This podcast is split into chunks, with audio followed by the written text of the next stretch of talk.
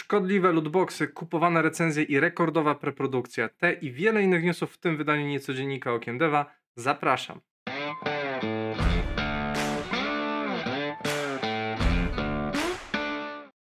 Witam serdecznie, nazywam się Grzegorz Wątroba, a to mój kanał Okiem Deva. W dzisiejszym niecodzienniku, czyli nieregularnym podsumowaniu najświeższych wiadomości ze świata gier mamy kilka ciekawych informacji, więc zaczynamy. Po pierwsze, całe Callisto Protocol na Twitchu. Mm, produkcja The Callisto Protocol do tej pory miała naprawdę publicznie pod górkę. Kałszkwał był na całego na Twitterze e, za niezdrowe warunki e, pracy, hejt za umieszczanie animacji śmierci w DLC i brak koncesji w Japonii. A teraz kolejny problem, otóż przebieg całej gry został zarejestrowany na Twitchu. E, cała rozgrywka, fabuła, zakończenie, po prostu wszystko. Jedyny pozytyw tej całej sytuacji jest taki, że gracze potwierdzają, że gra wygląda fenomenalnie. Użytkownik, który zaprezentował całą rozgrywkę, zapewne miał kopię recenzencką i tym samym naruszył embargo em, informacyjne. I dziwne jest to, że po pierwszych doniesieniach nie usunięto od razu streama, teraz już wszystkie em, szkody, jakie można było poczynić w studiu przed premierą, zostały dokonane, co e, potwierdzili sami twórcy. Możecie się zastanawiać, czemu to jest taki problem. Otóż dużo osób chce zagrać tą grę dla fabuły. E, wiele osób mm, tak naprawdę chętnie by tylko obejrzało właśnie tą grę bez konieczności zakupu. Mając całą rozgrywkę na tacy, tym samym część potencjalnych nabywców po prostu zrezygnuje z tego zakupu. Mam nadzieję jednak, że twórcy wyjdą na swoje, gdyż tytuł sam w sobie wygląda naprawdę Ciekawie, e, interesująco tutaj jest dużo takich dobrych elementów, natomiast z tego co słyszałem po recenzjach, wersja na PC, nie port, pamiętajcie, port to jest coś innego niż wersja po prostu e, platformowa e, danej gry.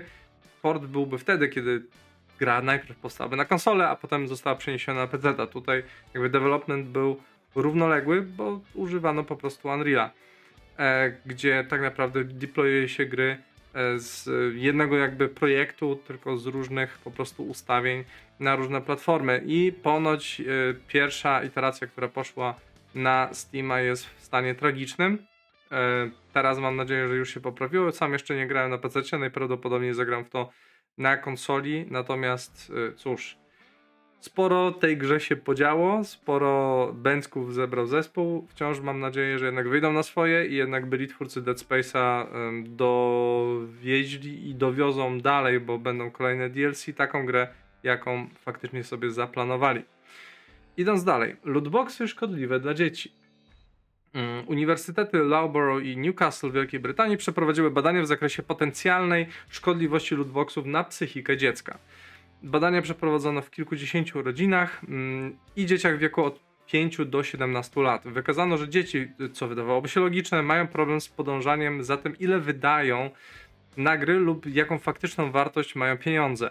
Jednocześnie wykazano, że cyfrowe przedmioty mają dla nich podobną wartość co fizyczne a odpowiednio skonstruowany cykl zakupów i wykorzystywanie technik, które działają na hazardzistów, prowadzą do złych decyzji zakupowych. W szczególności bardzo młode umysły są podatne na metodologie manipulacyjne zawarte właśnie w grach. E, gdy dzieci zorientowały się lub zostały poinformowane o efektach swoich zakupów, powodowało to wysokie szkody emocjonalne, płacz, stres i wiele innych e, tego typu negatywnych emocji. Badacze w liście otwartym proszą twórców i instytucje o więcej regulacji w tym zakresie. I bardzo słusznie. Dla mnie mechanizm ten może w ogóle nie istnieć. Jest to według mnie bezczelne żerowanie na ludzkich słabościach, a gdy robi się to dzieciom, jest to według mnie wysoce nieetyczne. Idąc dalej, e, Microsoft uczy Sony, jak prowadzić subskrypcję. Wydanie bez konfliktu Sony i Microsoftu to wydanie stracone, gdyż pojawiły się kolejne elementy ping-ponga pomiędzy gigantami świata growego w kontekście oczywiście zezwolenia na zakup IBK przez Microsoft. W tym kontekście mm, oczywiście obie firmy starają się pokazać, jak bardzo są mikre i stratne przy tej czy innej decyzji e, co do transakcji. Sony próbuje cały czas udowodnić, jak Game Pass jest szkodliwy dla branży i umieszczenie tam Call of Duty mm, czy innych dużych tytułów kompletnie pogrzebie sprzedaż w obozie niebieskich. Tymczasem Microsoft, wyciągając liczbę subskrybentów PS Plus, twierdzi, że gdyby Sony oferowało więcej tytułów first i third party na premierę, wyższe poziomy subskrypcji znalazłyby znacznie więcej klientów, stąd Sony ma nadal narzędzia, by być kompetytywnym wobec zielonych. Nie zgrywa się to oczywiście z modelem sprzedażowym Sony, które umieszcza gry w subskrypcji długo po tym, jak już rynek nasyci się sprzedażą pudełkową. Ciężko tutaj jednak nie przyznać racji Microsoftowi. E, sam bym chętniej zrezygnował z pudełek, e, mając gwarancję pojawienia się dużych tytułów stosunkowo krótko po premierze lub w dniu premiery właśnie w e, PS Plus, tych dodatkowych wyższych tam premium i tak dalej. Jestem ciekaw, czy tym samym Microsoft wymusi na Sony zmianę swojego zakładanego modelu sprzedażowego, bo tutaj, gdy transakcja dojdzie do skutku, może tak w zasadzie być.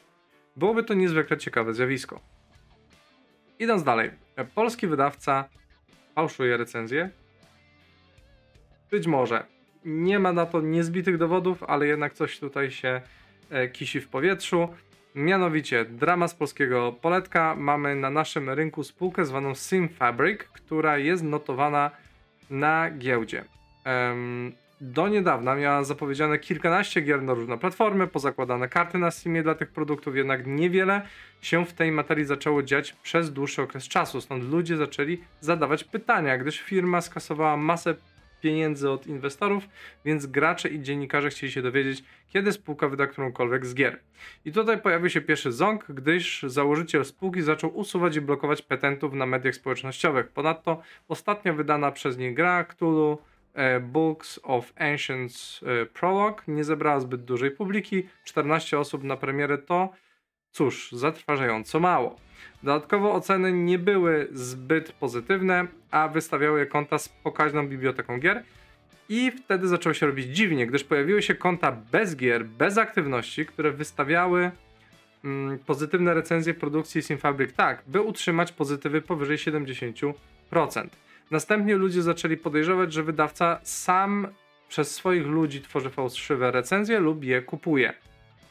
I spotkało się to z blokadą przez wydawcę ciekawskich użytkowników, w tym kont twórców gier, co jest dodatkową niedogodnością, gdyż w procesie wydawniczym na Steamie oraz na przykład um, postowanie na grupie jest wtedy zablokowane, uniemożliwia na przykład informowanie użytkowników o aktualizacjach swoich produktów, co jest no bardzo szkodliwe, nie fair, może czasami e, też wpływać negatywnie na sprzedaż gry. Jak wykazał Michał Król w ramach serwisu polski GameDev.pl, w trakcie swojego śledztwa konta, które mm, wystawiały podejrzane recenzje, były założone na nowo bez posiadanej biblioteki gier, e, a recenzje wystawione tego samego dnia mm, no, pojawiły się praktycznie no, na, na pniu, naraz yy, i to była jedyna recenzja, konta nie miały żadnych yy, gier, więc wydawałoby się, że po prostu one powstały stricte tylko po to, żeby wystawić tę ocenę. Tym samym Steam do czasu wyjaśnienia usunął kartę gier z, yy, firmy Simfabric jako wydawcy i podległych spółek z platformy, w tym jednej, która produkowała gry VR. Spółka odpowiednio zareagowała, zgłaszając zajście w SP, z tym, że napisano w nim, iż Steam bada sprawę. Nie do końca to tak działa. Mm. Z tego typu sytuacja, gdy Steam usuwa grę z serwisu, znaczy, że sprawa została zbadana, a decyzja podjęta. Można co najwyżej napisać i odwołać się od decyzji, ale to znaczy, że już e, wykryli jakby podejrzane zachowania, tak? Więc oni tego by nie zrobili przez same podejrzenia. Jeżeli w istocie spółka kupowała tudzież fabrykowała recenzję, to jest to kolejny przykład na to, że niektóre firmy nie powinny uzyskać pozwolenia na emisję na giełdzie i gromadzić środków na projekty wydmuszki, tym samym zabierając szanse i pieniądze firmom, które faktycznie robią gry i mogłyby nie wiem, w jakiś sposób ubogacić naszą branżę. Takich spółek jest masa e, na polskiej giełdzie, szczególnie na New Connectie i obawiam się, że w końcu ten rynek się załamie, bo inwestorzy kompletnie stracą zaufanie do położenia pieniędzy w biznes pełen naciągacze i dużych dzieci, którzy bawią się w nieodpowiedzialne prowadzenie firmy. Idąc dalej, na koniec rekordowa preprodukcja. Według ostatnich doniesień, co prawda Beyond Good and Evil 2 mm, nadal jest w produkcji. Sama gra była świetna, miała świetną grafikę, miała naprawdę bardzo pomysłowe elementy rozgrywki. Natomiast playtesterzy zgłaszają, że stan projektu nie zmienił się od 4 lat. I od samego początku, od momentu zapowiedzenia gry minęło już 5297 dni, czyli ponad 14 lat, a cała produkcja mm, została zapowiedziana 30 maja 2008 roku, 5 lat po premierze oryginału. Tym samym gra pobiła e, rekord Duke Nukem Forever, czyli tytuł, który od zapowiedzi do premiery był w produkcji 5156 dni, a wyszedł bardzo słabo. Mimo zapewnień twórców, ludzie z obawą podchodzą nie tyle już do jakości projektu, do samego faktu, czy zostanie wydany. I tak, moim zdaniem, z racji tego, że gra musiała przechodzić zaoranie technologiczne, patrząc na to, jak się gry zmieniały przez ostatnie 14 lat, to jest to projekt kilkukrotnie już zrestartowany.